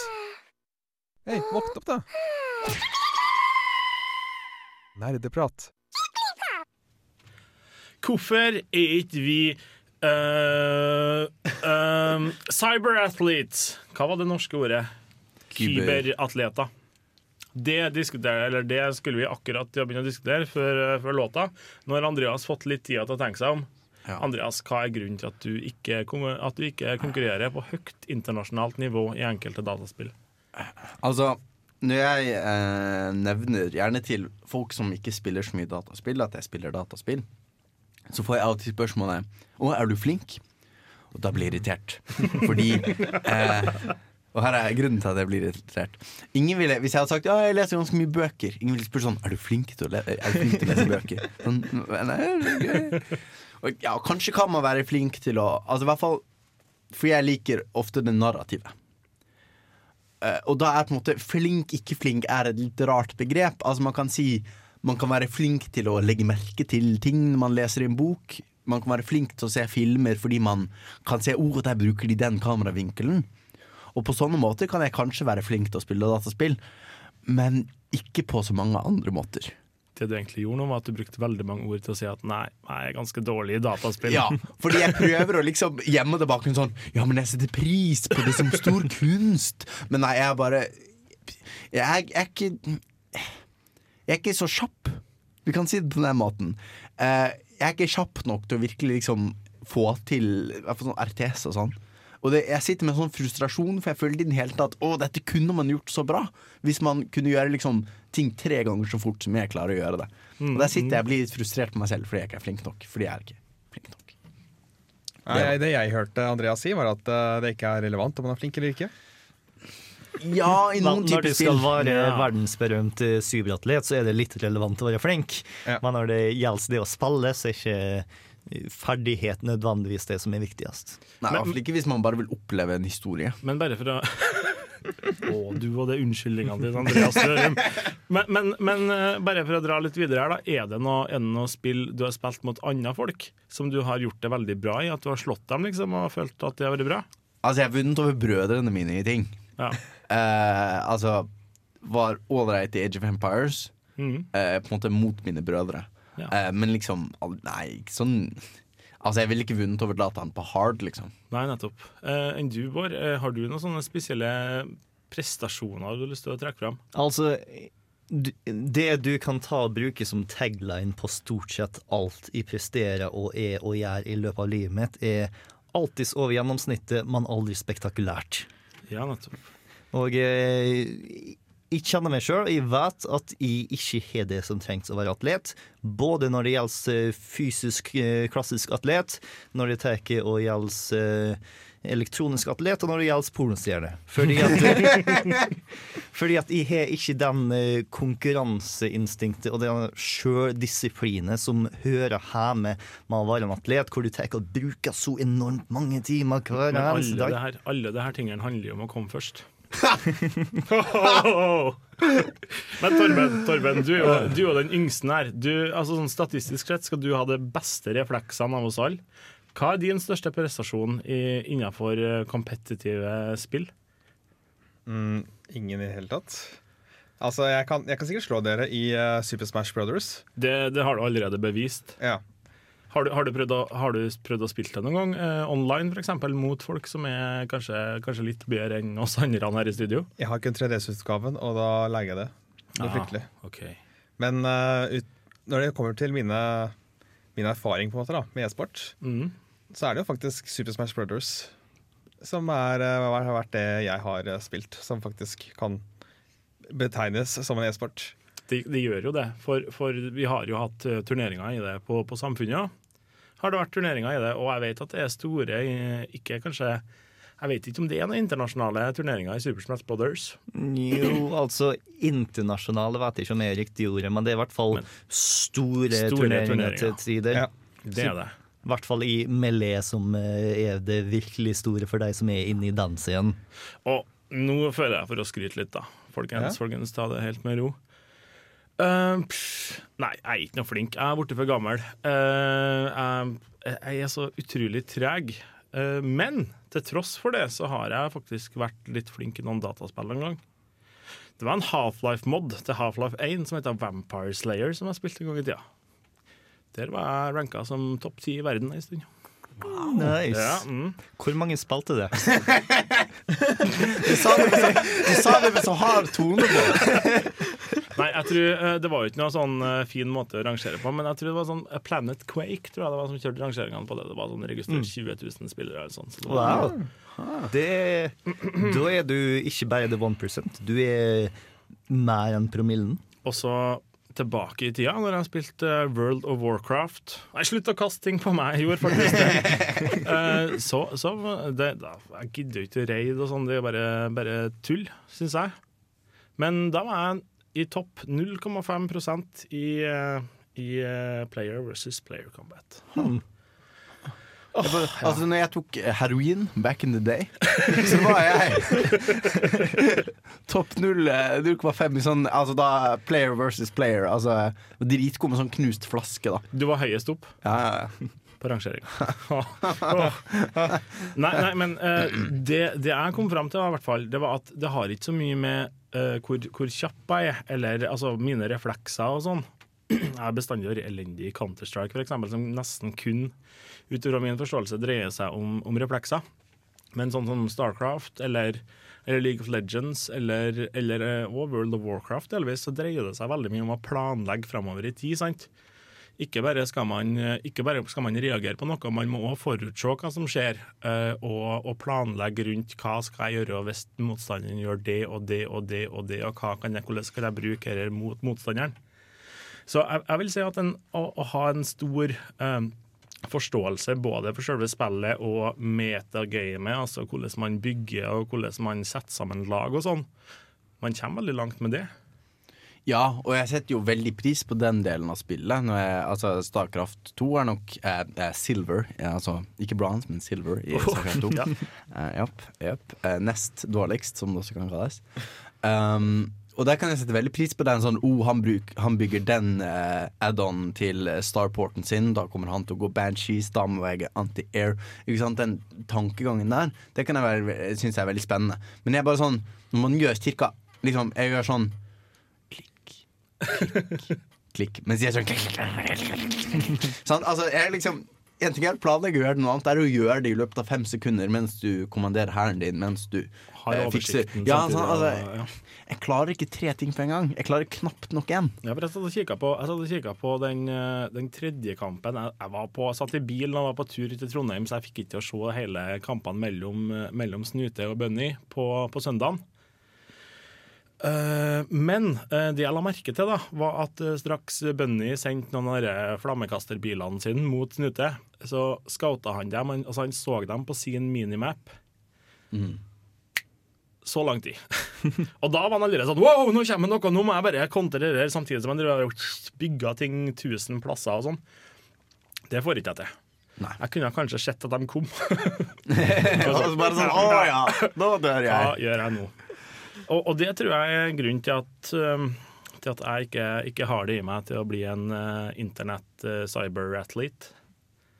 Men Jeg tror Vi mangler også navnet. fordi at det er en ting som eh, gikk opp for meg nå nettopp. At det var Bunny mot Snute. Det er liksom Det er jo veldig altså det, det, det, er- det er litt av greia at du må ha et catchy navn. jeg, Ja, hvis du skal altså, jeg, jeg- jeg lurer på jeg, om i framtiden så kommer jeg til å ha et litt mer voksent, om du vil, eh, eh, møte med det hele, med å ha de faktiske navnene våre, med å ha litt mer vanlige navn på uh, laget, i stedet for at dette er noe som en 17-åring syns at var dritkult, og nå skal han være kjent for det for mesteparten av verden for resten av livet sitt. Han heter jo Magnus Carlsen, ikke M-Killa. Ja, ja, men altså, det, jeg, jeg vet ikke, jeg. Bidrar det til at det virker mindre seriøst, eller bidrar det til at det får litt mer den E-biten av e-sport? Altså, la oss være ærlige at e-sport er hovedsakelig for jeg håper å si sånne som oss. Mm. Og for sånne som oss så er ikke det at de heter snute en, en hindring. Altså, Mange av de som ser på League of Legends, er folk som spiller League of Legends. Og takk og lov, hvis de ikke hadde, hadde de ikke skjønt noen ting. Altså, eh, så, så det er ikke noe hind... Altså, ja, hvis alle Hvis du skulle fått med deg mamma og pappa og måtte chipskålen for å se eh, mesterskapet i League of Legends, så er kanskje at de heter eh, MK Killer. Eh, at det virker mer useriøst, men det er kanskje ikke et mål heller. For- min del så fungerer det mer som en fordel. Jeg husker på at eh, under, under eh, sluttspillet i den europeiske eh, delen av League of Legends-turneringa i fjor, så var det med et lag som heter Unicorns of Love. Og da Jeg ble bare sånn automatisk fan, bare på grunn Ja. navnet. Altså, de atletene som eh, hvor alle sammen mer eller mindre går om det er et falskt navn, som eh, er mest berømt her i verden, er wrestlers. Og eh, jeg vet ikke om det er helt den gjengen jeg vil være i, men jeg lurer på jeg, om eh, den eh, kanskje smånegative miljøsnakket som eh, Chris snakka om tidligere, ikke kommer delvis fordi at folk bruker internettnavnet sitt, og dermed oppfører seg mer som en internettpersonlighet enn en faktisk atlet ville oppført seg når folk vil ta og vite det faktiske navnet ditt, og vil lese i avisa at det faktiske navnet ditt sa den og den dritten til den andre personen med det faktiske navnet sitt. Du glemmer en annen type atlet, uh, Bård. Pornostjerner. Ja, yes, ok, Eh, de eh, bruker også ofte Ja. pseudonym. Pornostjerne, wrestlers og e-sportmestere. Det er kanskje liksom, de fysisk mest ulike Persongruppene jeg kan se for meg. Men jeg syns det samtidig jeg, jeg synes det er veldig sånn spennende da, at de bruker ikke nødvendigvis navn som stemmer overens med hvordan de sjøl er, heller. Mm. For, for eksempel en av de mest kjente League of Legends-streamerne som tidligere spilte for uh, Team Dignitas fra Amerika, han heter I'm a cutie pie. Og han er den minst søte personen jeg har sett i hele mitt liv. Men eh, hva er det du kaller å se på internett, eh, Anders? Jeg tenkte at vi skulle avslutte her, eh, det her stikket med å spørre dere alle sammen. Hvis dere har vært internettatleter, hva, hva ville deres, deres navn ha vært? Og hvis du kunne ha laga deg ditt eget lag, hva ville laget hete? Du kan jo starte med deg, Torben, siden du er så frampå og lurer på hva jeg heter. Vel, OK, det, det kommer litt for sparket, men uh, ja, Torbinator. Torbinator. Og laget vil jeg hete Altså, nei, det, det har jeg ikke noe peiling om. Nei, du, du er ikke lagkaptein, og du er med som en sånn supportspiller. eller Ja. noe sånt. Ja, så noen andre som lager, lager laget. Uh, Andreas, har du noe? Altså, min vanlige tag er Andor. Mm. Fordi Andreas Dørum Dorum. Uh, men det, ja, det, er ikke, det er ikke kult nok for, um, for e-sport. Jeg ville heia på Torbinator, ikke Andor. Andor. Ja, det er så saklig. Men kanskje det er greien min, at jeg er sykt saklig. Eh, og nå, da begynner Torben Jeg er ikke så veldig saklig. Her kommer den saklige e-sportspilleren. eh, Ja, Han er så seriøs! Ja, jeg vil liksom bare møter opp, eh, kanskje med kaffe. Alltid. Nei Um, hmm. Altså, jeg, kanskje, altså, jeg prøvde å få innført på ungdomsskolen, eller kanskje på barneskolen, prøvde jeg å få innført et eh, kallenavn på meg selv. Det er jo på en måte noe, Kanskje noe av det teiteste man kan gjøre, er å finne på et kallenavn til seg selv. Eh, men jeg prøvde å få innført Ducky. Fordi eh, liksom And, Andy, And Og så eh, And som i duck. Eh, Ducky. Okay, okay. Eh, men kanskje noe med, med For det, føler jeg er mer et internettnavn. Noe med Ducky. Dev, dev, Damn the Ducky eh, Ducky Destructor. Og, det er litt artig, for, Ducky at, the Destroyer. for den mest eh, kjente norske, norske eh, League of Legends-spilleren heter jo Nuke Duck. Nuktak, ja. Ja. Det, det, det Men- liksom noe annet. Bård, hvis du skulle vært den beste i verden i Counter-Strike, hva ville du hete? Altså, Når jeg trenger å lage meg noen internettnavn som ikke er den erketypiske Bard eller Bard89 som jeg vanligvis går for, så liker jeg å bruke TV Tropes og de forskjellige overtitlene der. Mm. Så jeg har noe godt for TV-tropen Gentleman Brute. Den syns jeg den likte jeg. Ja. Tropen er for øvrig at dette er en person som, som aller oftest når du snakker med han, er særdeles høflig, godt snakka, intelligent person, men så havner du i kamp med han, og han brekker ryggen din. Professor Laton igjen, altså. Professor Laton igjen minus Brute-parten. Jeg er litt sånn, eh, det, Noe av det artigste jeg eh, vet, det er når jeg hører kommentatorene prøve å uttale, uttale navnene på, på spillerne. Det var sånn eh, i, I fjor så var det et sånt eh, søramerikansk mesterskap i eh, League of Legends. Og da hadde de òg med noen sånne eh, ja, amerikanske kommentatorene. De som vanligvis kommenterer i Amerika og delvis i Europa. Og der var det en spiller som heter Mantaraya. Og gjennom hele runden, eller gjennom hele det, det gamet de spilte, så gikk han prøvde å finne ut litt sånn forskjellige måter å uttale det navnet. For jeg hadde ikke peiling på hvordan han skulle uttale det, så jeg skriver Mantaraya. Mantaraja! Og, og alt imellom der sånn. Så jeg ville gått for noe som er veldig vanskelig å uttale, eller noe som bare høres veldig, veldig teit ut i det du sier. For eksempel I am the worst caster in the world. Altså, Var dette spansk for Manta Ray eller noe sånt? Jeg aner ikke. Han var fra Brasil, så det var Ja. kanskje ikke Portugisisk for Manta Ray? Kanskje. Kanskje. Ja. Vi er ikke så gode på språk, er vi det? Vel, når du, Yeah. Jeg pleier å putte den på tre eller fire poeng i besserwisser. det er Et annet, et annet sport, for øvrig. Spennende. spennende. Uh, det er jo litt sånn at det dukker opp uh, Du, du, du snakka med Benedikte om, uh, om uh, hva man skal gjøre hvis man har lyst til å bli få en fot innafor i det norske e-sportmiljøet. Og det har jo dukka opp en del uh, folkehøgskoler som tilbyr e-sport som, som linje. Og det er noe jeg har lyst til at vi skal diskutere etter neste låt, som er Kjartan Gaulfossen og Erlend Smith. Smithy! Smithy. Og sangen heter så mye som Nei, det er mellomrom. Den heter Mellomrom. Eller, ja, det er mellomrom. Vekk meg når du kjenner meg, eller vent til jeg våkner opp. Hendene over hodet.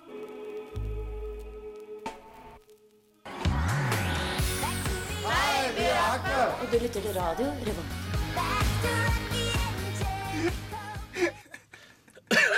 Hva er det for noe som er så artig, Andreas? Nei, ingenting. Ingenting. Det var den jinglen. Den den tok deg back to the 80s. ja, akkurat som jeg var der i går. Ja, øh, vi hørte uh, hørt nettopp uh, Mellomrom. Og før det så snakka vi så vidt om at, at folkehøgskoler tilbyr e-sport mer og mer. Noe som Frp er ikke sånn superduper happy med, men det er ikke happy med folk i høgskolen generelt, er egentlig. med, med folk flest, kan du Nei. si. Åh. Nei, greia er at eh, Buskerud og Lundheim folkehøgskole har i ett år nå, eller altså det, det er det første kullet som blir ferdig nå, de har gått på e-sportlinje. Og nå er det jo sånn at fra, fra høsten av så starter Namdal folkehøgskole opp med sin egen e-sportlinje. Og det de sier, da, det er at du skal utvikle dine individuelle ferdigheter og lære spillforståelse og sånn. Eh, Men i tillegg så er det at man skal trene fysisk og systematisk for å styrke fysisk, fysikk, reaksjonsevne og kondisjon. Hmm. Er det noen av dere som har gått på folkehøgskole? Nei. Er det noen Burde, sånn burde du kanskje hatt noen folkehøgskolehåk? Å Skal vi, nei! skal vi rope ut i gangen? Hallo, er det noen som Nei, det er ingen som svarer, ikke?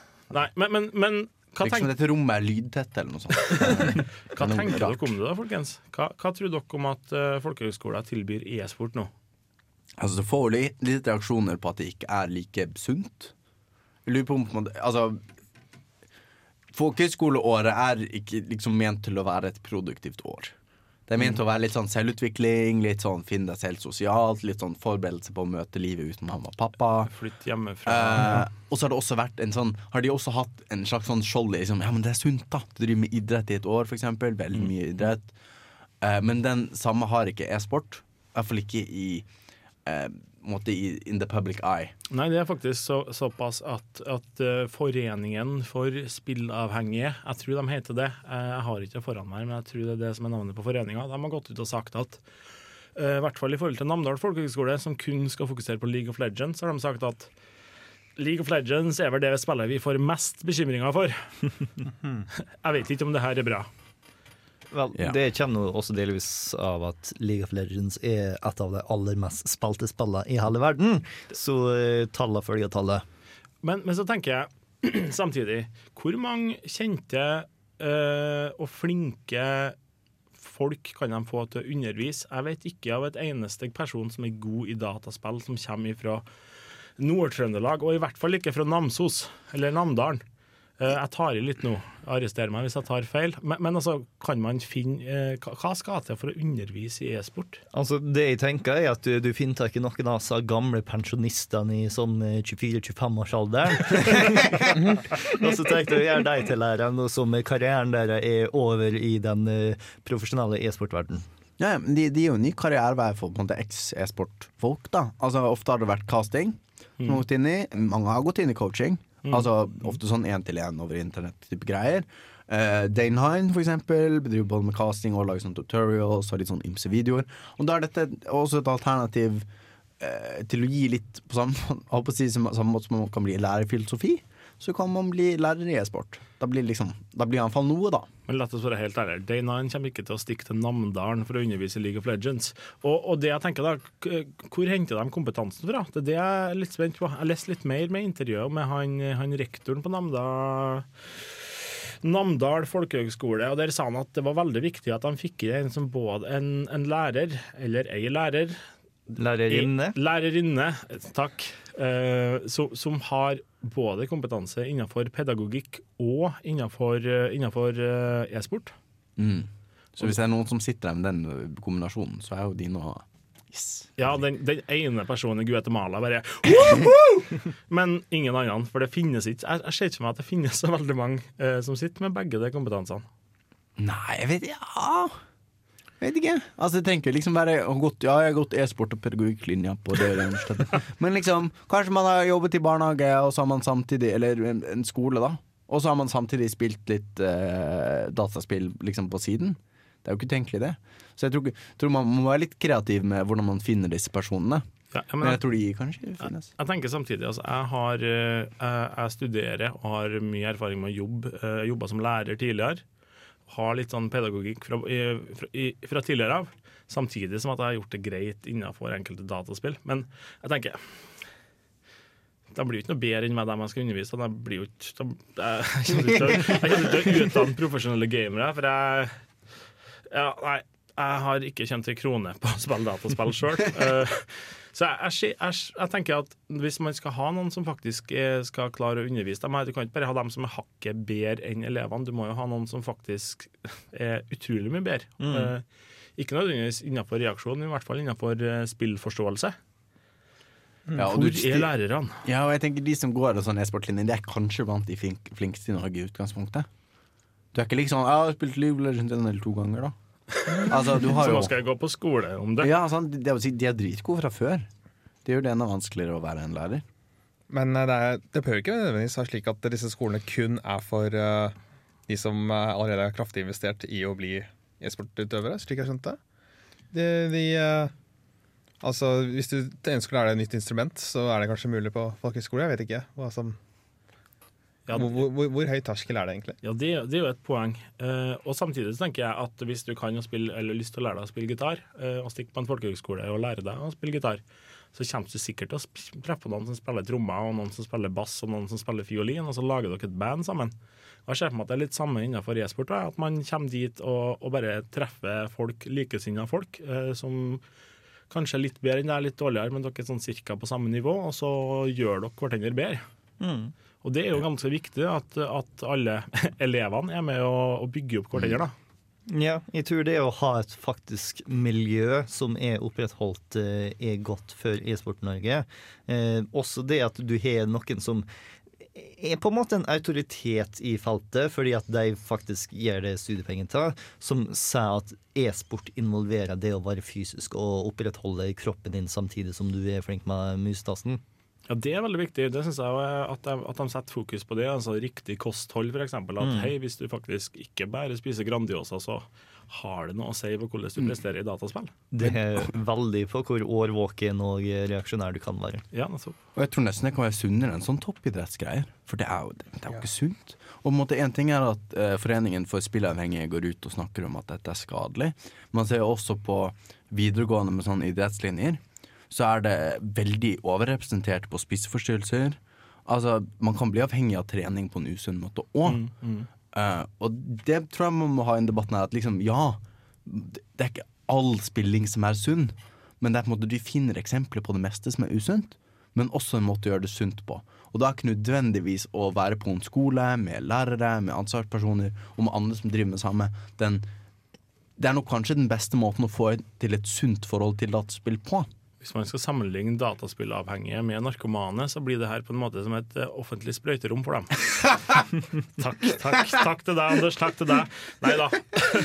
Men, men altså, det her er det at man, ja, at man eh, gjør, sånn som du sa, Andreas.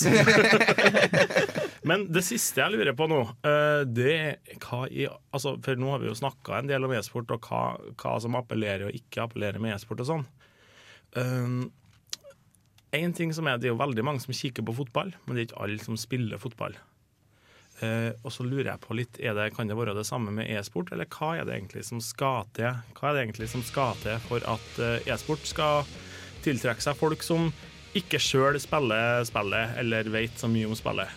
Hva er offside, eller hva er backdooring, egentlig? sant? Litt den der. Før vi kommer til det, så skal vi høre A Tea Party with Diamonds, og da er det Warp Riders som spiller den. Du hører på Nerdeprat på Radio Revolt.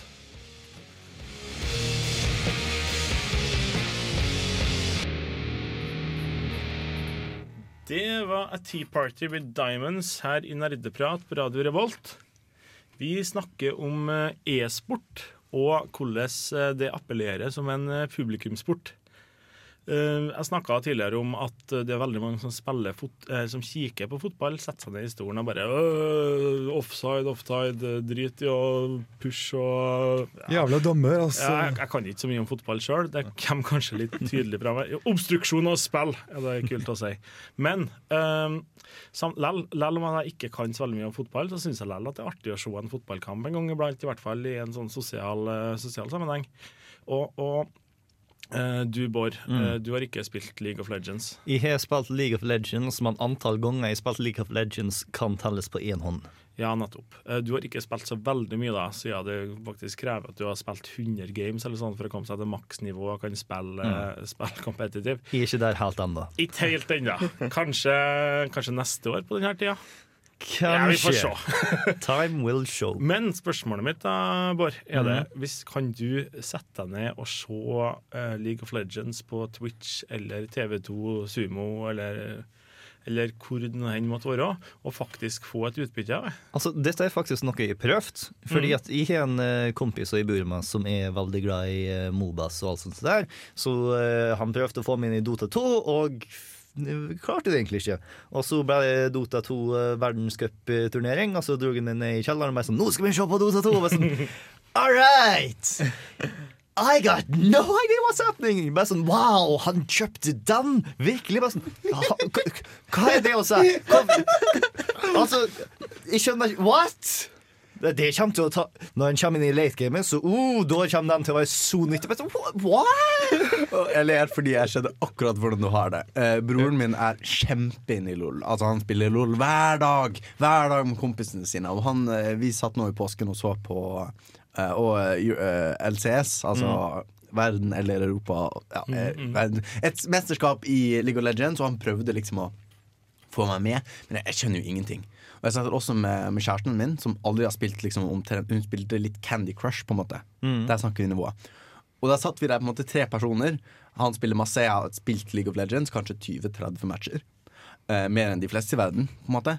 Eh, og en som har spilt ingenting. Og vi, ja, altså selv jeg har problemer med å henge med. Og liksom, hva, hva er det å si? Hvorfor, ok, Jungling vet jeg hva er, men hva, hva gjør de nå? Hvorfor er det, hva er roaming? Hva er, sant? Altså, fotball har én regel. En eneste regel som ikke er fullstendig innlysende. Det er offside. Og den er blitt legendarisk for å være vanskelig. Og liksom, jeg kan offside. Jeg var den første på, på barneskolen som sluttet på fotball. Kanskje den minst fotballinteresserte eh, liksom i det, Jeg vet ikke. Nei, dette er kanskje et lite fotballinteressert rom i utgangspunktet. Men jeg kan offside. Det er ikke vanskelig. Mens i League of Legends har du tusen regler som er like avansert som offside. Altså Hver champion er minst like avansert som offside, og du har 100 av dem. Og noen blir pikket 130. 130 ikke sant? Det er, ikke sant? Ingen kommer ut og klarer å henge med med mindre de spiller League of Legends. Ingen.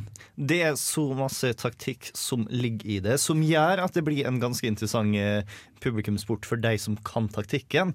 Men for nybegynnerne, så vanlig sport, f.eks. et kappløp, du vet hvem som vinner og hvem som taper, fordi at det er den som er nærmest målstreken, som holder på å vinne. Du vet hvem som vinner i fotball, fordi at det er de som har mest mål. Du vet hvem som vinner i golf, fordi at det er de som tar og slår aller minst. Fordi at det er Tiger Woods. Ja. I LOL så er det sånn Vel, de har dødd mest, men allikevel så påstår de at de har mest sjanse for å vinne. Men hva, hva så What? Ja, jeg, jeg ser den. Jeg ser den. Uh, samtidig så er det sånn uh, Starcraft 2 er et spill jeg ja, nesten ikke har spilt. Jeg har spilt litt Starcraft 1 uh, når jeg var ja, gammel nok til å gå nesten på ungdomsskolen, kanskje. Men, men altså, jeg har ikke spilt det noe mye. Jeg har spilt det ca. like mye som jeg har spilt Age of Empires 1, og det er i hvert fall ikke et competitive game, og jeg er ikke noe god i noen av de greiene der. Men uh, jeg jeg kan gjerne sitte og se Starcraft 2 likevel og bare sette pris på det uten at jeg helt skjønner hva som foregår. Hva, har du noen sånne opplevelser, Torben? Ja, jeg, jeg er egentlig det samme som Bård og Anders her. Jeg har venn, hatt en venn- vennegjeng. Eller vennegjengen min eh, nede i Oslo-området. Der eh, var det sånn, gikk i LOL-snakk eh, i friminuttene, og jeg skjønte ikke bæret. Og jeg ble med å spilte spilte litt, LOL, bare for sånn at jeg kunne forstå språket. Men, og jeg, jeg syns det er mer spennende å følge med på League of Legends-kamp enn fotball. Men jeg syns fremdeles at det er eh, ja, er, jeg, jeg har vanskeligheter for å dele engasjementet som eh, de som er inne i spillet har. Men også kanskje fordi at jeg ikke heier på noen. Jeg har ikke noe kjærlig forhold til spillerne. Mm. Som for eksempel, jeg er veldig glad i å ta og se på Let's Plays av Pokémon. Når det det er et system som jeg kan, så når jeg ser det taktiske, så bare sånn Å, shit! Han glemmer at Fairies er svak mot stil, eller hva faen? Så jeg er sånn, oh my god! Det kan jeg ta og følge med på, eh, sjøl om det ikke er det mest opplagte for alle andre. Men jeg tror også det som Torben nevner, å ha noen å følge med på, det er kjempeviktig. Jeg heier mye på Scarlett. Når jeg, altså Hvis Scarlett i Starcraft 2 er med en match, så heier jeg på Scarlett. fra Canada? ja. Ja. Ja. Mm. Og det er liksom, da har man i hvert fall no, et holdepunkt. Ikke sånn mm. Der! Blå! Rød. sant? Det blir veldig vilkårlig. Eh, og liksom, alle har funnet Altså, man finner seg et engelsk fotballag på en eller annen måte. Jeg aldri skjønt hvordan. Så vi, vi må finne en eller annen måte at folk liksom heier på et eller annet lag. Du, min sønn, du skal begynne å heie på Celestial Gaming, sånn som far din. ja, vi trenger en generasjon som Kan- har kanskje- fått inn fra begynnelsen av hvem de skal heie på. Kanskje blir det sånn. Uh, hvis noen av våre lyttere har noe innspill til hvordan i all verden vi skal lære oss å nyte spill vi ikke, ikke har spilt, så vil vi gjerne høre ifra dere på det. Du finner oss på Nerdeprat på absolutt alle sosiale medier i hele verden. Bomma litt der? Eh, kanskje ikke absolutt alle, men jeg er riktignok ikke enda på Friendster, men eh, jeg holder på å jobbe på MySpace-sida vår Og vi er ikke på Tinder, og vi er ikke på MySpace, og ikke på Nettby. Ikke på Snapchat heller. Nei, men hvis du vil ha en annen direkte måte å nå oss på, så er det bare å sende en mail til nerd at radiorevolt.no. Og eh, bare sånn kjapt helt på slutten her, så vil jeg si at vi, vi har jo en sending neste uke, da. Ja. Ja, hva er det vi skal snakke om da, Vår? Eh, neste uke så er det Dørum som Ja. kommer til å være programleder. Mm, og vi skal snakke om topp ti spillverdener. Altså, hvil, hvil, Hvilke spill har de kuleste områdene som spillet foregår i? Er det, er det Nirn fra Skyrim og Elder Scrolls? Er det Azeroth fra World of Warcraft? Eh, så vi kommer til å slåss i studio med harde gjenstander for å finne ut hvilken som er best. Og selvfølgelig, dersom du har noen formeninger om hvilke spillverdener som er mest interessant, som du har lyst til å besøke, som det har vært morsomt å leve i, og sånt, så er det bare å skyte inn til oss på nerdeprat etter radiorevolt.no. Det stemmer. Eh, nå håper jeg at dere alle sammen har eh, kanskje forstått litt mer om hva e-sport eh, dreier seg om. Eh, De rundt meg i studio ser litt mindre ut som spørsmålstegn enn de gjorde eh, tidligere. Men det, vi avslutter sendinga nå med Redstone av Next Life. Takker for at dere hørte på oss så langt, og så snakkes vi neste uke. Hei da!